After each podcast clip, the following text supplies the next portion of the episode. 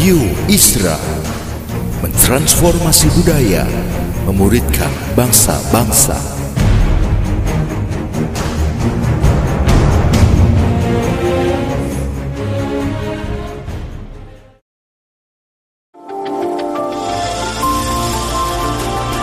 Voice of Pradaim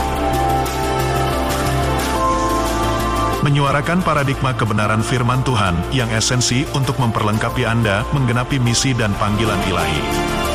Selamat mendengarkan.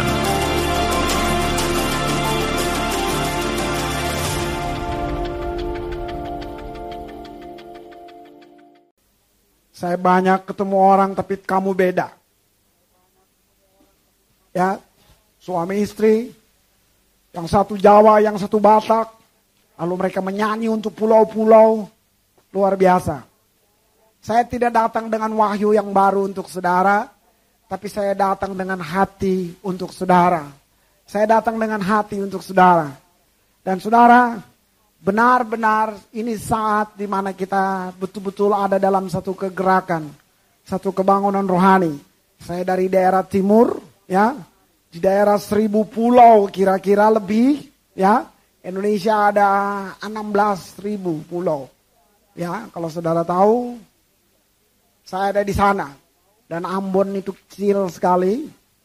Di peta Indonesia hanya titik. Jangan lihat di peta dunia saya malu sendiri. Karena gak kelihatan. Tapi kita punya Tuhan yang besar. Ada kebangunan rohani di sana. Baru satu tahun saya di situ. Dan saya mengasihi tempat itu karena Tuhan menaruh saya di sana. Satu malam saya sedang duduk. Saya sedang sedang nonton TV, semua sudah tidur. Cerita itu nggak ada urusannya dengan perkara-perkara rohani. Tapi waktu saya duduk dan terakhirnya ada satu kalimat yang menggugah saya. Dikatakan begini, kalau kamu mengasihi ini, kamu mengasihi mereka di sini, bukan karena kelebihannya, tapi kasihlah mereka karena kekurangannya. Saya bisa menangis. Kenapa tiba-tiba saya jadi cengeng di situ? Padahal sebelumnya saya begitu takut untuk mengambil langkah, mengambil keputusan. Apalagi untuk pindah ke sana. Dua tahun di Bali sudah kerasan buat kita. Kita pikir udah cukup. Tapi Tuhan bilang, pindah lagi. Akhirnya saya baru tahu. Apa itu yang dibilang prophetic people? Apa yang disebut dengan prophetic church? Gereja yang bernubuat atau umat yang bernubuat bukan hanya orang yang berdiri di depan dan menyampaikan nubuatan, tapi prophetic people adalah satu umat yang bergerak menggenapi nubuatan Allah.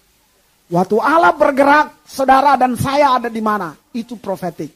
Waktu Allah mau buat sesuatu, adakah seseorang di sana untuk dia memakainya? Itu profetik. Metode Allah adalah manusia.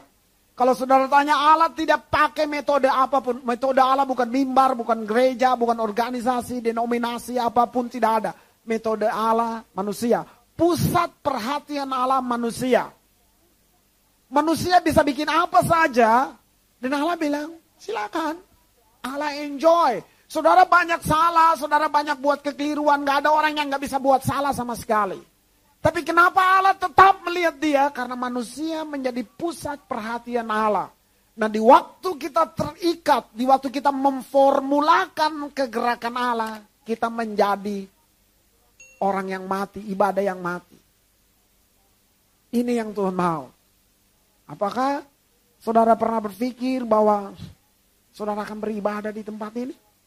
Ini termasuk di dalam kegerakan Allah. Waktu Allah bergerak ke sini, begitu ada orang di sini, Allah memakai. Nah kenapa Allah memilih manusia? Karena manusia harus menyelesaikan rencananya. Allah tidak pilih malaikat, Allah tidak pilih makhluk lain pun. Tidak ada makhluk yang disebut yang predikatnya serupa dengan gambarnya kecuali manusia. Manusia betul telah jatuh di dalam dosa, tetapi bahwa dia serupa dengan gambarnya itu tidak tidak berubah dari mulai Adam tidak berubah. Yang berubah itu adalah kekuatannya, kuasanya itu perlu hilang. Itu perlu dipulihkan supaya kita kembali. Hanya ada satu janji yang paling dahsyat dari seluruh agama di planet ini yang menjanjikan kesempurnaan adalah kekristenan. Yesus menjanjikan kesempurnaan. Semua yang lain mereka menolak kesempurnaan. Salah satu tanda menolak kesempurnaan ini kalau saudara lihat lambang yang bulat, terus ada dibagi dua, yang satu hitam, yang satu putih, saya kurang tahu namanya apa itu. Ya, saudara masih ingat? Yang putih semua lalu ada satu titik di tengah, hitam. Lalu satu hitam sekali lalu ada titik di tengah putih. Saudara lupa itu? Masa lupa sama teman lama? Saudara tahu? Artinya begini tuh. Dalam putih ada satu yang hitam. Artinya begini. Sesempurnanya seseorang tetap ada cacatnya. Dia mau bilang begini, sebaik-baiknya seseorang tetap ada jahatnya. Yang hitam semua, lalu ada satu titik putih, dia mau bilang begini, sejahat-jahatnya seseorang tetap ada baiknya. Tahu saudara dia mau arahkan manusia ke mana? Falsafah ini, dia mau arahkan manusia begini. Sebaik-baiknya Tuhan, tetap ada jahat. Ini orang yang menolak kesempurnaan. Sejahat-jahatnya iblis, dia ada baiknya. Ini ini dia saudara. Saya mau bilang buat saudara, ternyata manusia bukan hanya ingin hidup. Bukan ingin hidup. Sekedar hidup aja gampang. Sekedar hidup aja gampang. Tinggal makan, hidup deh lu pada semua. Makan aja hidup. Tapi menghidupkan kehidupan itu nggak gampang. Perlu total saudara di dalamnya. Nah manusia mereka bukan hanya mau hidup. Manusia mulai ingin hidup tapi aman. Nah ini. Hidup tapi aman. Untuk rasa aman itu bisa ada, bukan hanya ada sebentar, langgeng dalam hidupnya. Manusia mencurahkan seluruh energi. Seluruh energi hanya untuk itu. Nah saya pinjam tiga perkara yang dia pakai untuk mendapatkan rasa aman. Sekalipun ada orang namanya Pak Aman, dia tetap gelisah. Ya, ya. Saya mau kasih tahu buat saudara, dia pakai tiga hal ini. Manusia pakai musik, musik untuk rasa aman. Ya, saya bukan hanya menikmati satu penyembahan, saya juga ikut menikmati musik, alunan musik ini. Itu dipakai untuk rasa aman. Tinggal mereka memilih yang mana. Yang kedua, pakai pikir, mungkin kita perlu filsafat. Nah itu yang tadi. Orang belajar filsafat, orang memperdalamnya untuk bisa menciptakan rasa aman. Lalu orang datang lagi kepada hal yang ketiga, mereka mencari agama. Setelah punya semuanya, mereka masih takut, masih kurang aman. Mereka pikir dengan agama kita akan aman. Nah, agama di sini saya garis bawahi agama buatan manusia. Mereka cari. Sekarang saudara ada di dalam satu dekade kebangkitan agama. Perhatikan, bukan hanya orang Kristen yang lagi KKR. Semua lagi bangkit. Dan semua bilang kita yang the best. Kita yang benar satu-satunya saudara hanya harus membuktikan itu. Dan bukan saudara yang buktikan. Tuhan sendiri akan membuktikannya. Ini bedanya. Mereka cari ini. Datang ke agama dengan dua hal. Melarikan diri dari tantangan dunia. Saudara tidak sanggup menghadapi kekerasan dunia ini. Saudara tidak sanggup menghadapi segala yang diperhadapkan kepada saudara tiap hari Lalu saudara lari dan bersembunyi di balik topeng agama.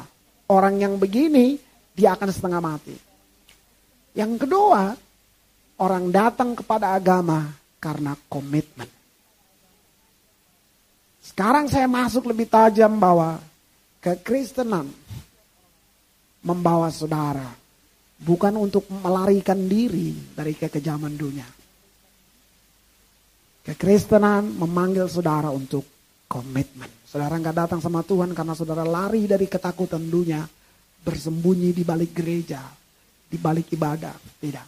Kita ada di sini karena komitmen. Kalau saudara sama dengan saya perasaannya, kita bisa berjalan dalam situasi apa pun. Apa pun yang terjadi. Saya sebagai hamba Tuhan, saya mau bilang depan saya tidak pernah berpikir tentang kemapanan hidup. Kalau saya mulai berpikir, saya tidak akan dapat wahyu, saya tidak akan dapat semuanya, saya tidak akan, tidak, tidak. Saya akan tidak setajam ini. Coba-coba saya pernah berpikir tentang hal itu, membuat saya lama dalam pergerakan Allah. Saya takut bergerak. Di waktu Allah mau bergerak, saya bilang saya sudah aman di sini Tuhan. Semuanya mapan di sini dan di situ saya kehilangan cukup banyak banyak harga yang saya mesti bayar untuk memulihkannya kembali. Dan waktu saya bilang, oke okay, Tuhan, apalagi yang saya mesti takut ikut kamu? Dan di situ mengalir segala-galanya. Di waktu saya tidak berpikir tentang kemapanan. Buat saudara-saudara harus tangkap perasaan ini. Saya nggak datang bawa wahyu, tapi saya bawa hati supaya saudara menangkapnya. Saudara rugi kalau saudara pulang, saudara hanya dapat, saudara lakukan satu aktivitas pagi ini, tapi saudara nggak tangkap sesuatu. Hidup bukan tujuan Bapak Ibu. Orang dunia menjadikan hidup ini tujuan, sehingga mereka frustrasi. Waktu mereka tidak mendapatkan apa-apa dalam hidup ini. Alkitab, Yesus Kristus membawa saudara untuk melihat hidup bukan tujuan. Hidup adalah persiapan kekayaan, pangkat, kedudukan, gelar, dan semuanya itu hanya kesempatan yang Tuhan berikan untuk saudara. Orang yang mengucap syukur adalah orang yang menikmati hidup. Saudara nikmati dong hidupmu. Nikmati Allahmu. Karena ini hanya kesempatan. Hidup ini satu persiapan. Yang menjadi tujuan adalah yang akan datang. Ini ini. Saudara, yang yang disebut excellent itu artinya di atas rata-rata, unggul. Tidak ada agama di planet ini menjanjikan satu kehidupan pasti. Pasti. Ya akan, akan datang. Nah, semua semoga. Semoga. Semoga itu artinya semua mogok dan gagal. Ini sungguh. Nah, Saudara lihat, ini saya bicara manusia secara umum, mereka cari ini. Tiga perkara ini. Mungkin musik bisa timbulkan aman, filsafat, agama. Makanya rumahnya benteng anti peluru, mobilnya anti peluru, tapi gentengnya bocor. Tetap aja mereka ingin aman. Pakai satpan masih kurang, taruh herder tiga di situ. Kurang kalau boleh buaya singa jadi satu semua di situ. aman saudara dengar itu. Mereka mau aman di situ. Nah tahu pertanyaan ini saudara perlu pikir. Bagaimana kalau semua usaha itu gagal? Di sini persoalannya bagaimana kalau semua usaha itu gagal dalam saat seperti itu orang mulai berpikir dan mencari, adakah, adakah satu Allah yang bisa mengatasi semua kegagalan ini? Termasuk kegagalan pemerintahan, saudara. Kalau saudara pikir orang-orang di Bosnia, mereka akan berpikir tentang di mana kekuatan lain kalau PBB saja sudah tidak mampu. Super power, super power datang pidato sana sini, kematian kita ada terus kita tetap mati. Anak kita sudah mati, tidak bisa bangkit lagi. Adakah kekuatan lain yang bisa mengatasi ini? Itu yang sekarang dicari. Dengan kata lain, orang sekarang mulai ingin realita. Orang tidak ingin janji-janji. Orang tidak ingin kata-kata muluk. Orang mulai mencari realita. Adakah satu Allah yang bisa mengatasi bencana alam, peperangan, ini penting sekali. Yang pagi ini saya mau bacakan ini untuk saudara. Ada kitab yang disebut oleh para penafsir dikatakan kitab ilahi Ini salah satunya. Seluruhnya kita pilahi ya. Saudara buka kolose pasal yang pertama. Kolose pasal yang pertama. Ini luar biasa. Umat Kristen satu-satunya umat yang tampil beda di dunia. Mungkin saudara bilang, so tahu benar. Tidak apa-apa kalau saudara mau jadi umat yang lain.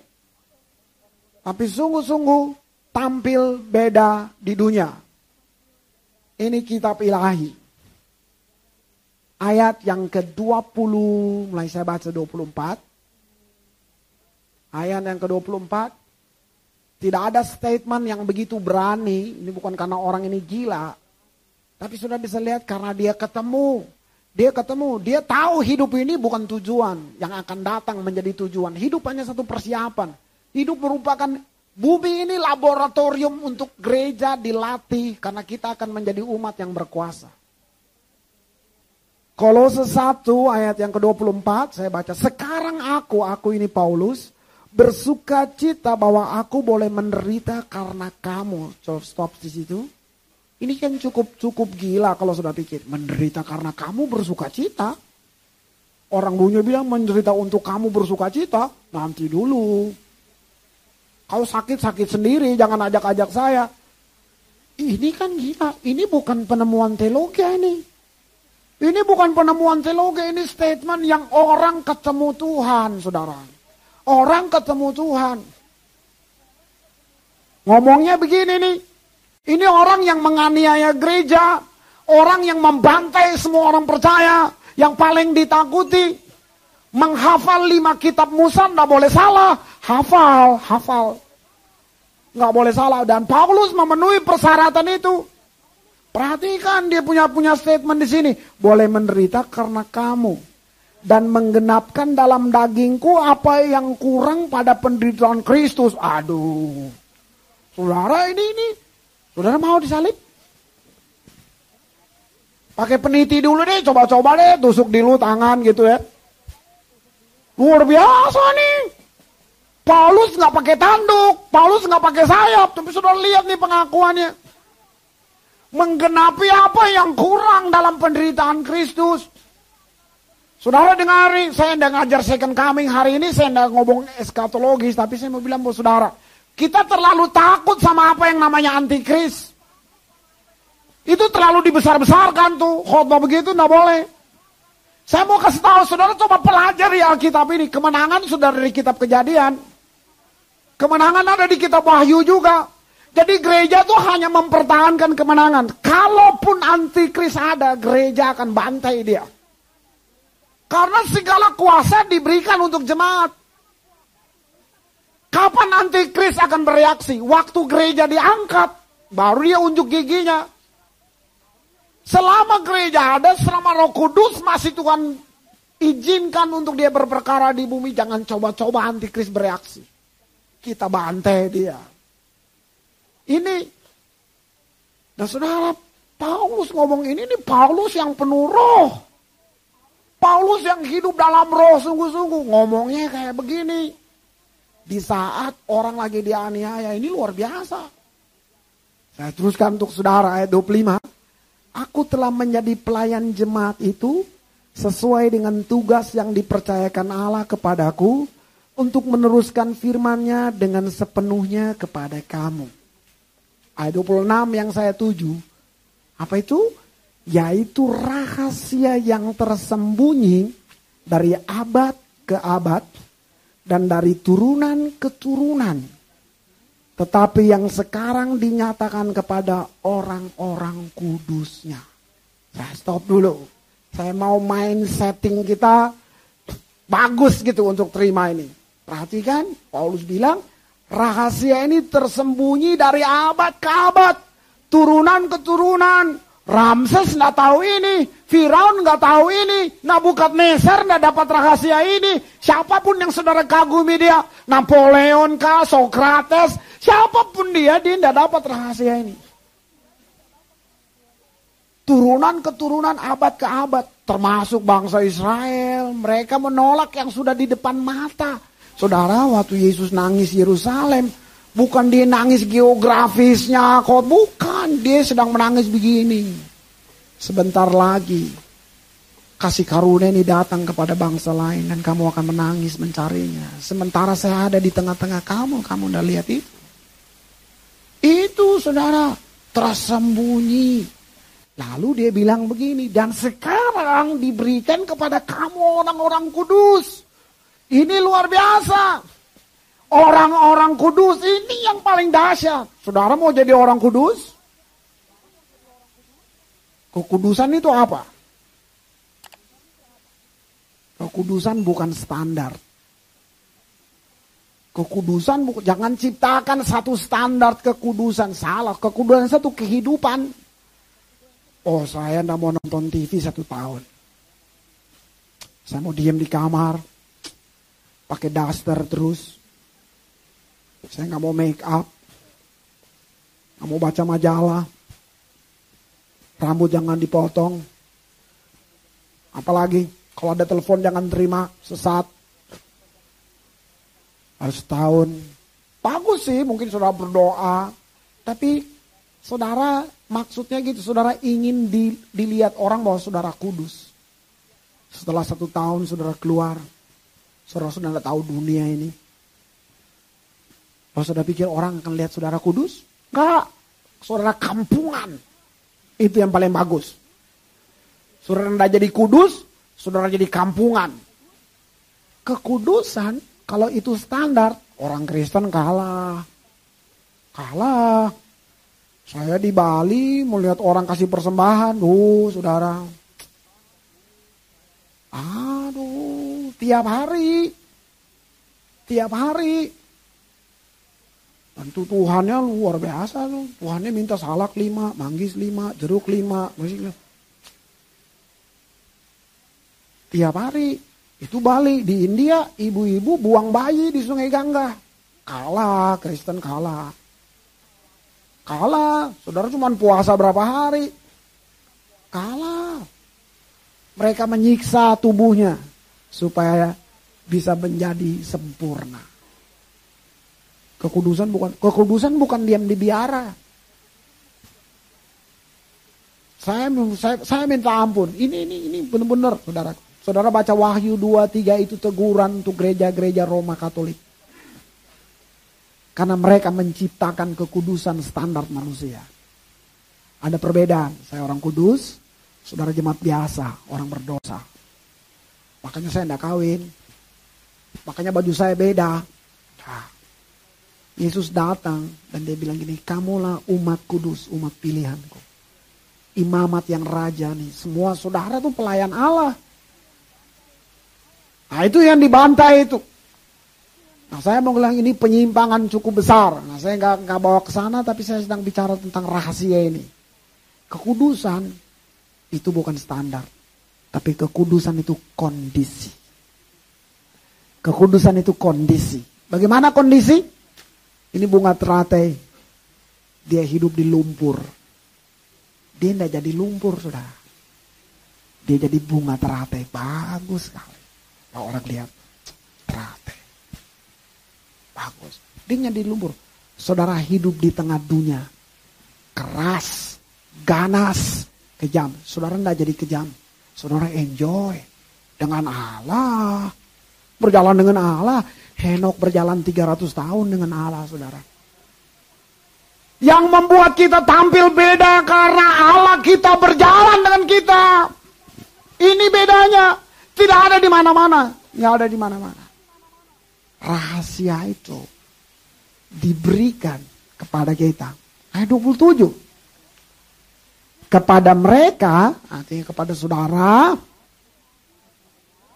Allah mau memberitahukan betapa kaya.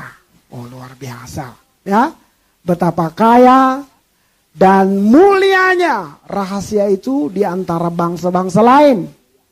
Apa rahasianya sih? Sini bilang, yaitu Kristus ada di tengah-tengah kamu. Kristus yang adalah pengharapan akan kemuliaan. Ini rahasianya. Kalau Ramses tahu Kristus, Oh lain. Kalau Nabukadnezar tahu Kristus, lain. Makanya tersembunyi. Bahkan untuk bangsa-bangsa lain. Saudara, jangan bilang Tuhan egois. Perhatikan, Tuhan mengasihi isi dunia ini. Isi dunia ini yang gak kasih respon buat Allah. Allah datang kepada si isi dunia. Tapi yang menerima Allah itu ya saudara ini. Kalau semua menerima, ini hotel jadi gereja aja udah. Kan karena nggak menerima. Lebih banyak orang di luar daripada dalam gereja.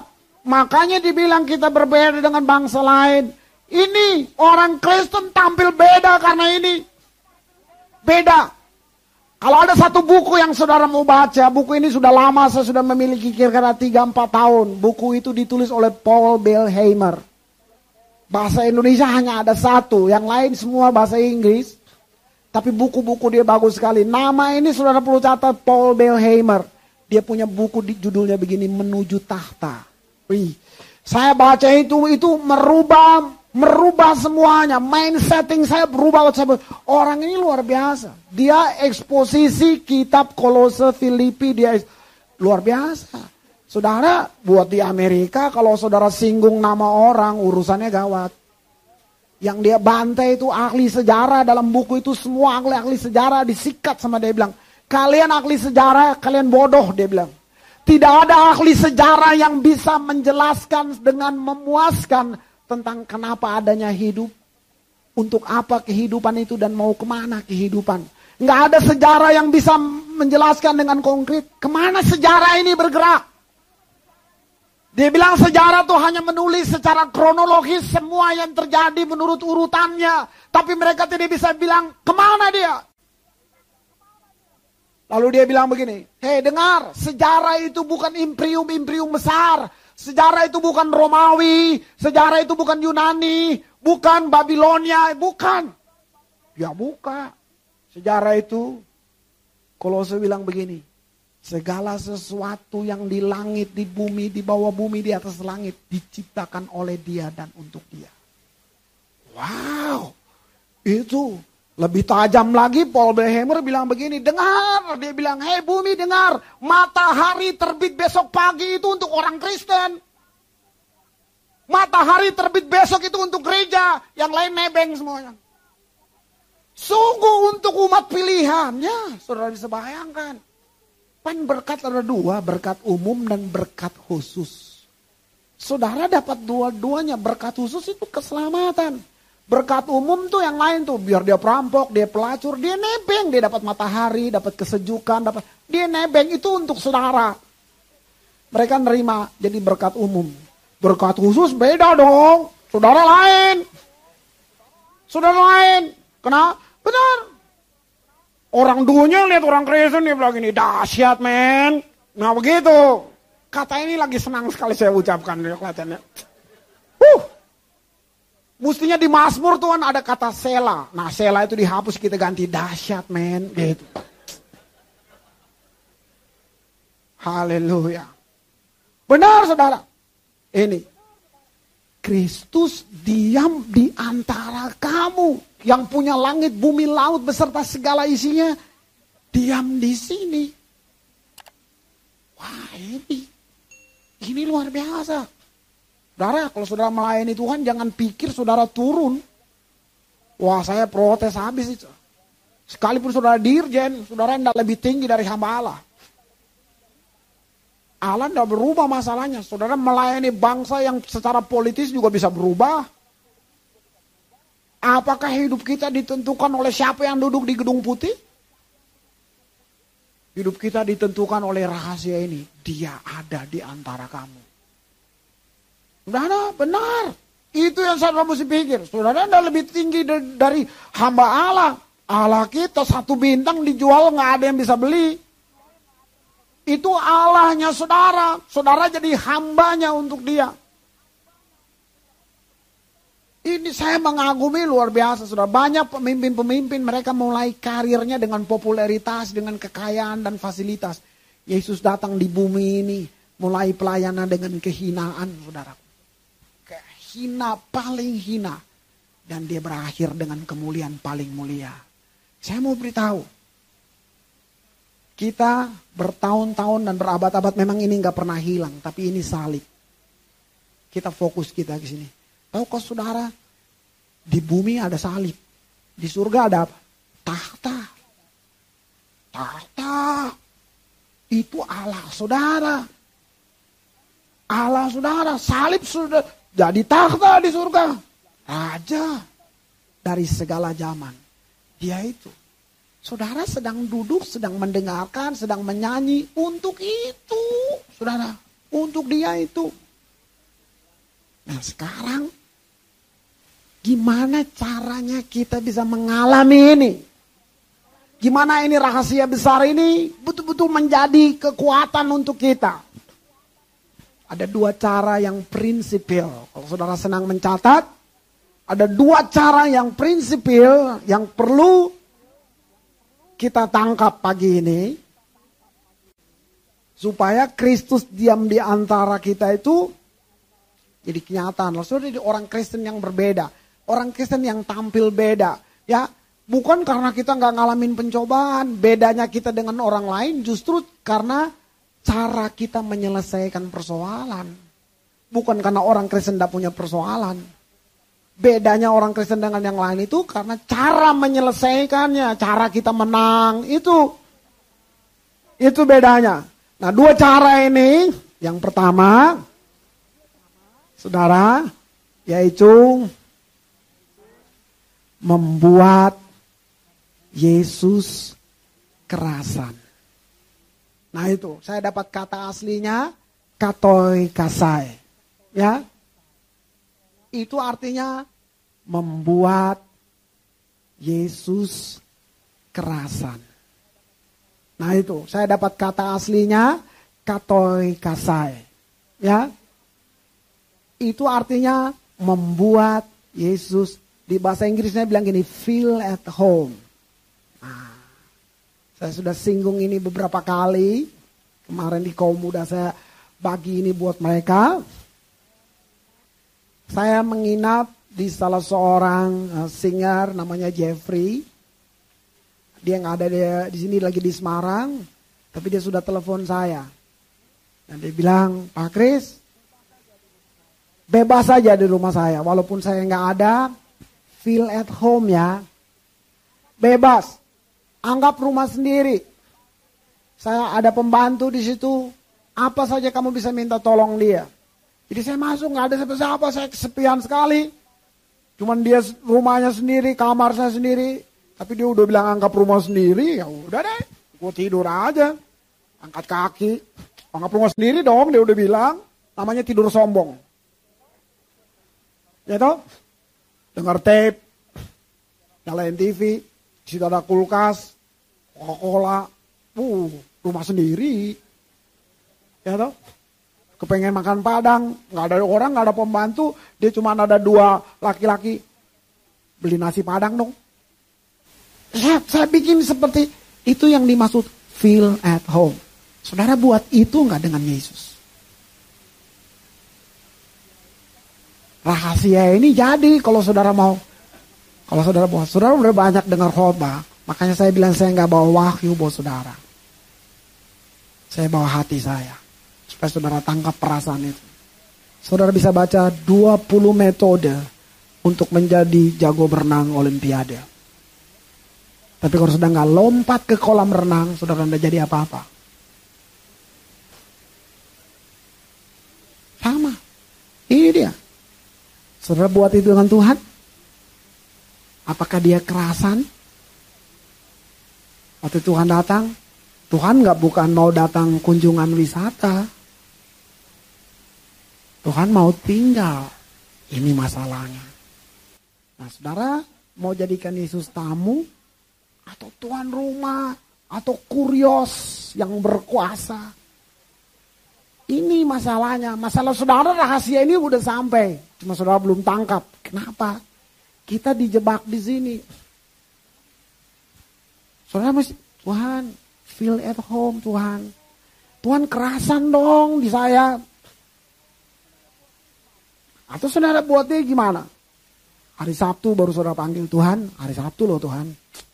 Besok minggu Tuhan datang ya. Tuhan datang, bangun pagi-pagi, sama-sama dengan, oke Tuhan kita ke gereja sama-sama Tuhan. Borobudur Tuhan, full AC. Nah, ke gereja, semua tuh senang, musiknya bagus. Pulang, Tuhan kita makan dulu deh. Kita makan. Sudah senang-senang hari Minggu, Minggu malam jam 12. Selalu berdoa, Tuhan kembali lagi deh ke surga. Besok Senin, saya udah punya urusan sendiri-sendiri. Nah, ini Tuhan dah feel at home. Adik saya ini tidak terjadi, tapi ini imajinasi saya. Adik saya dia tinggal di Australia. Dia udah warga negara sana. Istri, anaknya semua di sana. Misalnya dia datang ke Indonesia. Dia telepon Chris. Udah lama nih, 16 tahun nih kita nggak ketemu ya. Gue mau liburan. Datang. Gue tidak datang. Wah saya siapin rumah. Apa satu kamar ini buat mereka. Kita bersihin lah semuanya, ganti apanya supaya dia datang begitu tentu nangis nangis peluk kan gimana lu inget nggak dulu gini cerita cerita cerita lalu ini kamar no feel at home ya bebas kamu di sini. Wah senang seminggu. Mau berapa lama di sini? Dua minggu. Kok terlalu cepet? Nah kan begitu bahasa basinya kan? Ya? Kok terlalu cepet ah masih lama-lama dikit dong. Katanya kita belum lihat semuanya. Mm-mm, ya, dia tinggal pagi breakfast sama-sama cerita nggak habis-habis. Udah seminggu, bener-bener dua minggu ya. Begitu dua minggu, tiap kali saya mau masuk kamar itu nggak jadi. Ada adik saya, ada istrinya, ada anak-anaknya. Saya mulai rasa sebagian di rumah saya kayak dirampas. Tiap kali saya mau masuk, biasanya saya main lari masuk pak, mau guling-guling, mau apa. Kali ini nggak jadi. Mulai Terus tiba-tiba dia bilang gini, emang enak juga kan? Gue sebulan deh di sini. Ah, begitu dia bilang sebulan, sarapan pagi nggak sama-sama lagi. Ya, ah, maaf nih, mesti cepat-cepat Bram. Ambil sendiri deh, atur sarapan sendiri ya, anggap rumah sendiri. Hmm. Udah tiga minggu, mulai ngobrol-ngobrol tanya, ehm, nggak kepengen ke Irian? Bagus loh di Irian. Belum pernah lihat kan? Ikan hiu gitu mau. Nah kita mulai arahkan, artinya kita mulai rasa terganggu. Kita mulai kalau boleh, ini saudara kandung, tapi bisa begitu. Gak kepingin ke yang lain. Masa cuma liburan di sini aja? Nah itu ngusir pelan-pelan kan, kata gitu saudaraku. Saudara lihat, sering Tuhan juga begitu di dalam saudara. Sampai Tuhan tuh, Tuhan ini rumahnya dia, dia mau masuk. Tapi Tuhan selalu mesti, permisi ya, mau ke kamar mandi, Gatot boleh? Boleh, boleh, boleh. Tuhan ke kamar mandi, terus Tuhan balik lagi, uh, boleh pinjam shampoo? Ah, boleh, boleh, boleh. Sering Tuhan begitu, saudara buat Tuhan begitu. Dan Tuhan tanya, ah, saya bisa minta teh manis, tangkir kecil aja. Nah, saudara begitu, saudara. Saudara nggak kasih dia feel at home. Ini baru. Kalau Tuhan sudah diam di situ, saudara akan dapat segala galanya. Nah, intinya apa yang saya mau bilang saudara? Intinya adalah keintiman. Tuhan saudara romantis, saudara. Oh, saudara bukan punya Tuhan yang kejam. Di Bali orang nggak usah saja tuh takut, pelan-pelan. Ini dewa, nih. Tolong anak dewa ya gitu. Hah? Tuhan saudara bukan begitu. Kenapa pusat perhatian manusia? Dia butuh fellowship, saudara. Kalau ada hal yang paling buruk menimpa manusia bukan bangkrut. Kalau ada hal yang paling buruk menimpa manusia bukan waktu dia pegang microphone ini kesetrum mati, bukan itu. Hal yang paling buruk itu disebut broken relation. Itu paling parah dalam hidup manusia kalau dia sudah putus hubungan. Apalagi dengan Allah. Allah mau mati cuman untuk relation itu. Membangun hubungan dengan saudara. Dia panggil kamu anak, saudara panggil dia bapak. Itu satu-satunya di planet ini yang berbeda. Itu Allah saudara. Dia mau intim. Waktu Gatot nikah sama istrinya, istrinya hamil bukan karena kamu tumpang tangan kan, Tot? Biar urapan lu gede juga. Gugara bawa terus besok hamil gitu. Gak. Apa yang membuat istrinya hamil? Mereka punya hubungan intim. Intim. Intim, ya. Bukankah saudara dengan Tuhan juga akan menikah? Kita ini mempelai. Ibadah di dunia ini hanya hubungan, hubungan, hubungan, hubungan. Nanti di surga saudara kerasan. Ini. Istrinya hamil. Berbeda. Seluruh saudara-saudaranya Gatot, saudara-saudara yang lain semua lihat. Ih, istrimu berubah ya. Berubah. Bajunya beda. Hamil. Teman-teman mulai lihat. Di gereja lihat. Yuk, jalannya juga udah lain. Biasanya dipanggil gini, ini dipanggil, kenapa? Ya, nah, ya, saudara. Kenapa tuh? Ada benihnya. Ada benihnya. Ada benih di dalamnya. Tahu waktu saudara masuk dalam hubungan intim dengan Allah. Waktu saudara masuk dalam waktu Allah kerasan di dalam saudara. Waktu Yesus feel at home dengan saudara. Saudara sedang masuk dalam satu hubungan penyembahan tingkat tinggi itu namanya. Tingkat tinggi. Bahasa Yunaninya proskuneo. Diterjemahkan gini, mencium. Saya bilang Allah kita romantis, sudah. Mencium bukan karena distant, bukan karena jarak. Saudara tidak mungkin nggak kenal orang keluar-keluar dari sini, sini gue cium lu, nggak mungkin dong. Ih, dianggap begini, saudara. Ya, udah di Borobudur lagi, tiba-tiba cium sembarangan orang di situ, saudaraku ya. Yang membuat saudara mencium seseorang tentu hubungan yang itu membuat itu. Jadi Tuhan pakai kata proskuneo untuk hubungan itu mencium. Kita mencium Tuhan, saudara. Oh luar biasa. Nah waktu saudara bangun itu rahasia ini menjadi milikmu. Waktu saudara bangun hubungan. Selalu bangun hubungan. Saudara hamil. Yang bangsa-bangsa lain gak dapat. Cuman saudara yang dibilang umat kudus itu. Saudara sedang mengandung benih Allah di dalam ini kesempurnaan kita terima. Kita memang manusia berdosa. Gambar Allah tidak berubah dari kita. Allah mulai proses. Begitu saudara bertobat, roh saudara instan, sempurna. Roh saudara ingat. Tubuh dan jiwa saudara yang diproses. Nah, orang terkecoh bunyi, katanya bertobat. Kok masih marah? Nah. Kenapa? Memang tubuh jiwanya yang diproses. Saudaraku terus diproses. Marah boleh, marah-marah yang nggak boleh. Ya, saudara, itu itu berubah. Benih Allah di dalam saudara. Lalu saudara mengandung. Saudara mengandung apa? Seluruh rahasia yang tersembunyi berabad-abad. Dahsyat men. Ini. Semua rahasia yang tersembunyi berabad-abad. Saudara lihat. Karunia.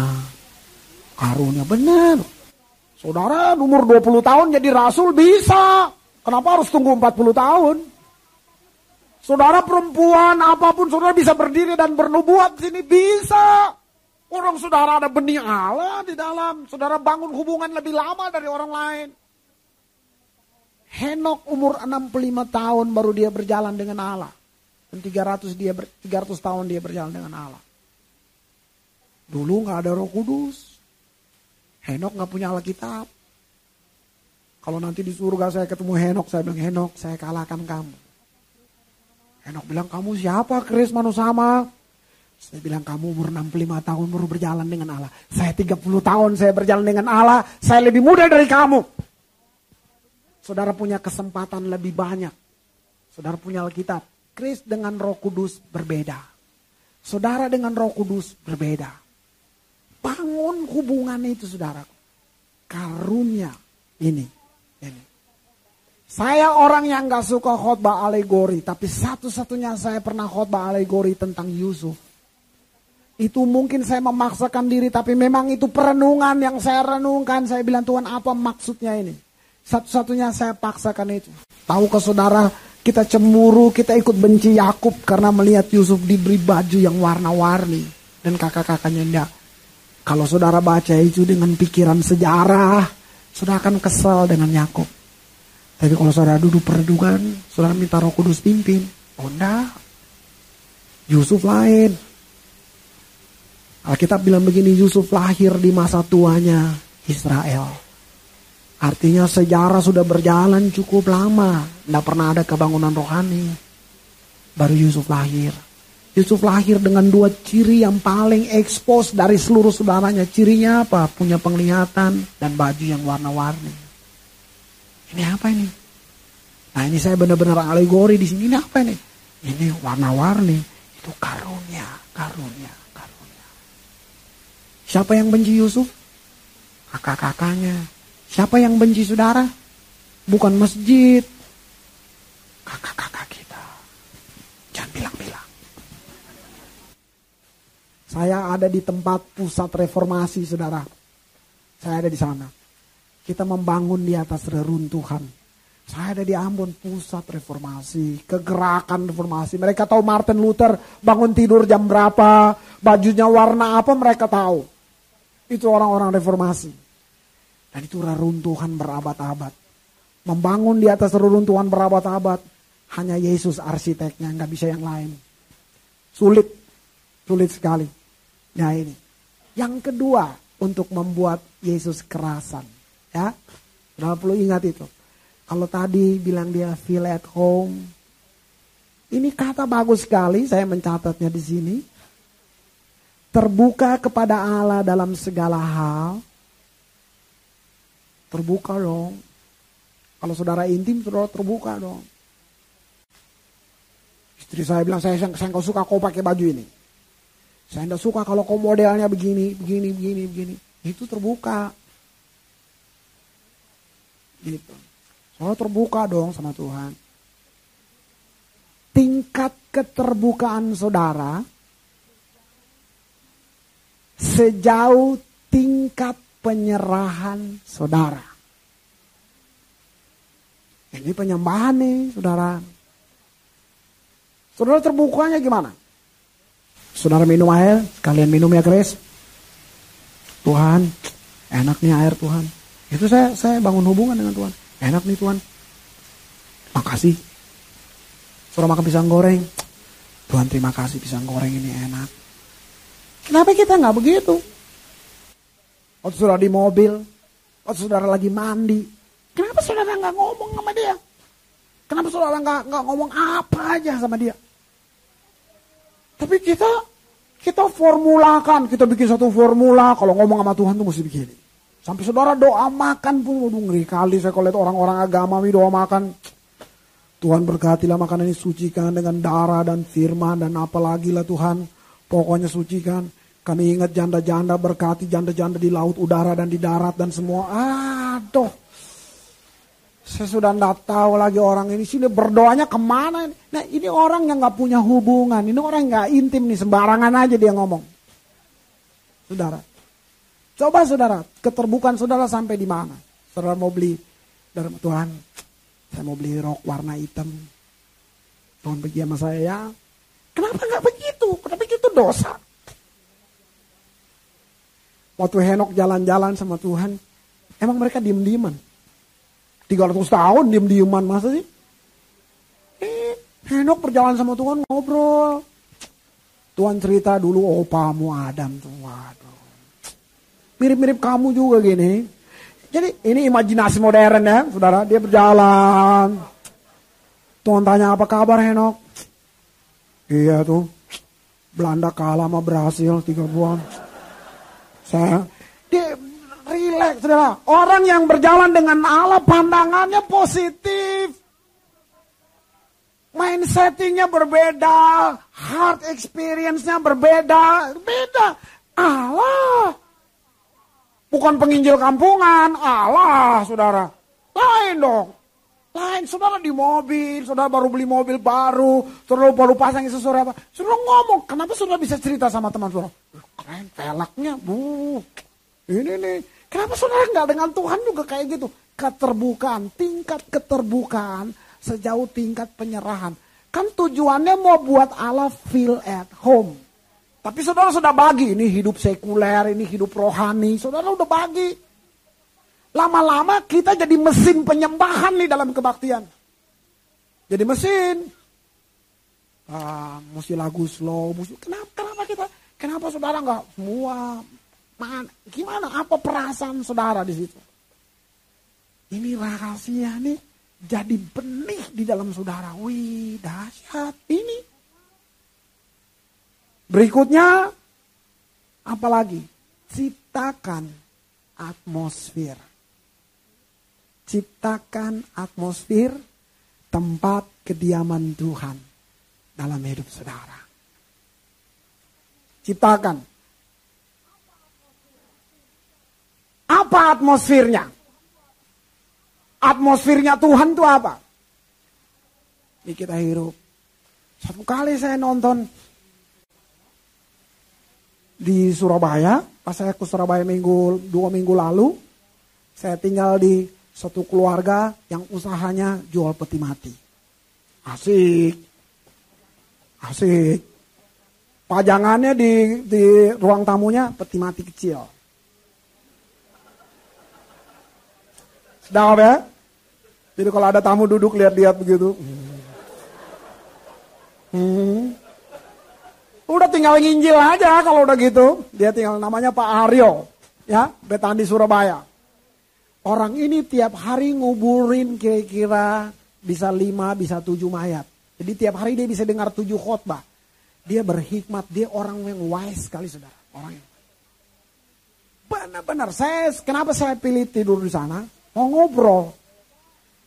Wah dia kalau ngobrol pendeta mesti denger sih, denger dia ngobrol, dia denger.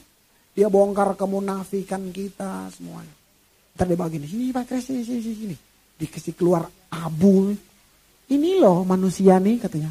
Ah, iya, iya. Udah deh sadar aja deh, udah mau apa lagi? Cuman gitu aja. Di situ saya dapat banyak sekali.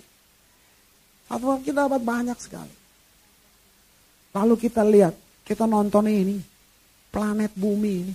Aduh saudara. Manusia sedang merusak planet ini. Kita akan menghancurkan tempat kita ini sendiri. Saudara, saudara perlu keseimbangan. Dan yang paling menjamin hanya satu, Tuhan. Daniel pasal 11 bilang begini, ada satu tentara yang datang menajiskan tempat kudus Allah. Tetapi jaminannya juga hanya satu, umat yang mengenal Allah akan tetap kuat dan bertindak. Hanya itu. Itu luar biasa. Siapa pun mau coba menajiskan hidup saudara, hanya satu saudara kenal Allahmu, saudara akan kuat dan bertindak. Ini bagaimana? Keterbukaan saudara. Nah atmosfernya di film itu kami lihat begini, waktu Neil Armstrong mau ke bulan. Dibawa udara dari bumi pakai tabung saudaraku. Miliar dolar tuh cuma mau pindahin udara atmosfer ke bulan supaya dia bisa hidup di sana. Untuk hanya beberapa saat. Nggak ada kehidupan di tempat lain. Dibawa nih udara ke bulan. Aduh, susah-susah amat di bumi gratis. Dia mau bawa nih. Hanya untuk dia beberapa saat di situ turun injekin bulan, balik lagi. Berapa miliar dolar habis. Atmosfer. Ini loh, saudara sedang hidup satu atmosfer. Tahu atmosfernya Tuhan? Pujian dan penyembahan. Ini pelayanan tinggi, pelayanan tingkat tinggi. Saudara, saya sebut pelayanan pujian penyembahan ini pelayanan kerajaan. Kenapa? Setiap bangsa dikenal sama lagu kebangsaannya. Orang mungkin tidak tahu sistem politik bangsa itu. Orang nggak tahu apa-apa. ya. Banyak orang juga nggak tahu Ambon. Waktu saya di Pinang kemarin, Ambon tuh di mana? Supaya saya nggak malu, saya bilang dekat Toronto dikit. Saya bilang. Ya, ya saudara, sungguh-sungguh atmosfernya Tuhan tuh penyembahan. Waktu lagu Indonesia Raya dinaikkan di Olimpiade, bangsa lain yang nggak ngerti bahasa Indonesia diam semua dan mereka tahu. Ini seluruh isi bangsa ini di dalam lagu ini. Begitu. Seluruh komitmen rakyatnya ada di dalam lagu ini. Tahukah saudara waktu saudara masuk dalam penyembahan agung itu pelayanan kerajaan. Makanya pelayanan seperti ini yang paling banyak diserangan iblis. Waktu saudara masuk membangun hubungan intim, siap-siap untuk diserang. Iblis bilang begini, ibadah aja yang rajin. Cuma jangan intim dengan dia. Iblis selalu bilang, kamu kayak bantu gereja, kasih duitmu ke sana. Cuma kau jangan intim dengan dia. Tapi waktu saudara mulai bilang Tuhan, feel at home, saudara akan masuk dalam banyak tantangan. Paul Belheimer sekali lagi saya pinjam dia bilang begini, bumi ini tempat saudara dilatih melalui segala persoalan. Jadi ingat buat saudara yang bertobat, persoalan bukan dosa. Itu hanya datang untuk melatih saudara. Lalu kenapa? 1 Korintus 6 jaminannya orang kudus akan menghakimi dunia. Orang kudus akan menghakimi malaikat. Bayangkan saya tambahkan itu di pelajaran salvation. So dengar, kita menghakimi malaikat. Malaikat.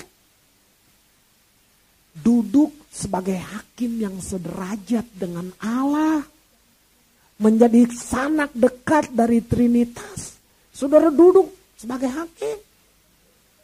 Kalau ada saudara ini dihakim di sini, ini pesan saya. Hakim dunia akan dihakimi. Tolonglah dipikir-pikir kalau saudara di Mahkamah Agung, ini juga pesan saya, nanti saudara akan berdiri di depan hakim yang tidak pernah salah. Ini kita 1 Korintus 6, saudara nanti baca. Kita duduk. Tidak tahukah kamu bahwa orang-orang kudus akan menghakimi dunia dan menghakimi malaikat? Luar biasa. Itu tujuan. Dunia ini persiapan, hidup di sini persiapan untuk duduk di sana. Untuk duduk di sana ciptakan atmosfer itu. Saya tidak perpanjang. Tapi saya hitung Daud menyenangkan hati Tuhan 33 tahun. Daud dapat sertifikat ini. Ada tiga orang yang mendapat sertifikat itu. Henok, Daud, dan Yesus. Yang lain saya sudah bongkar Alkitab ini dan coba mencarinya ya Musa, ya Ayub. Semuanya samar. Tapi yang statementnya jelas. Berkenan kepada Allah itu tiga orang ini. Henok, Daud, Daud berkenan. Daud buat dosa, Daud buat kesalahan, dia buat semuanya. Apa yang buat Daud berkenan? Dia buat Allah feel at home. Allah ndak suruh Daud bikin tabernakel. Tapi kenapa Allah biarkan dia bikin? Karena Daud sedang membangun keintiman Daud menari, Daud bikin semuanya untuk dia bilang kalau ada yang lebih gila untuk Allahku, saya mau buat itu. Ini raja yang ngomong. Itu yang bikin Allah bilang, saya berkenan. Bahkan Yesus mau disebut anak Daud. Daud membangun keintiman dengan Allah. Dia bilang, Tuhan jangan ambil apa, ambil apa saja kecuali jangan angkat rohmu yang ada dalamku. Tuhan bilang, kamu ngerti. Kamu ngerti itu. Allah tidak punya metode, sudah masih tahu. Metode Allah cuma satu, manusia. Dan manusia akan menyelesaikan rencana. Luar biasa. Pujian penyembahan itu bukan ngafalin lagu. Di Wahyu pasal 1, pasal 2, mulai dari Yohanes sendiri ketemu Yesus. Itu nggak ada rumput, saudara. Nggak ada keyboard, nggak ada alat-alat, nggak ada air condition, itu batu granit, tandus, Sebelumnya dia direbus dulu oleh minyak panas, matanya dicungkil dan dibuang ke Pulau Patmos. Di Tantus itu dia ketemu Yesus. Mulai dari dia sendiri, Wahyu pasal 4, 24 tua-tua dia mulai lihat. Dan sudah mulai waktu pasal 7, mulai bangsa-bangsa, suku, kaum, dan bahasa, lalu berlaska-laska, malaikat, berjuta-juta Saudara lihat itu atmosfernya Allah. Mulai dari sendiri penyembahan yang makin tinggi, makin tinggi, makin tinggi. Itu berbicara tentang peningkatan roh. Roh, roh. Luar biasa. Nggak ada fasilitas. Tapi yang ada Allah beda. nggak perlu fasilitas. Tapi kalau ada Allah, beda. Radio Isra mentransformasi budaya, memuridkan bangsa-bangsa.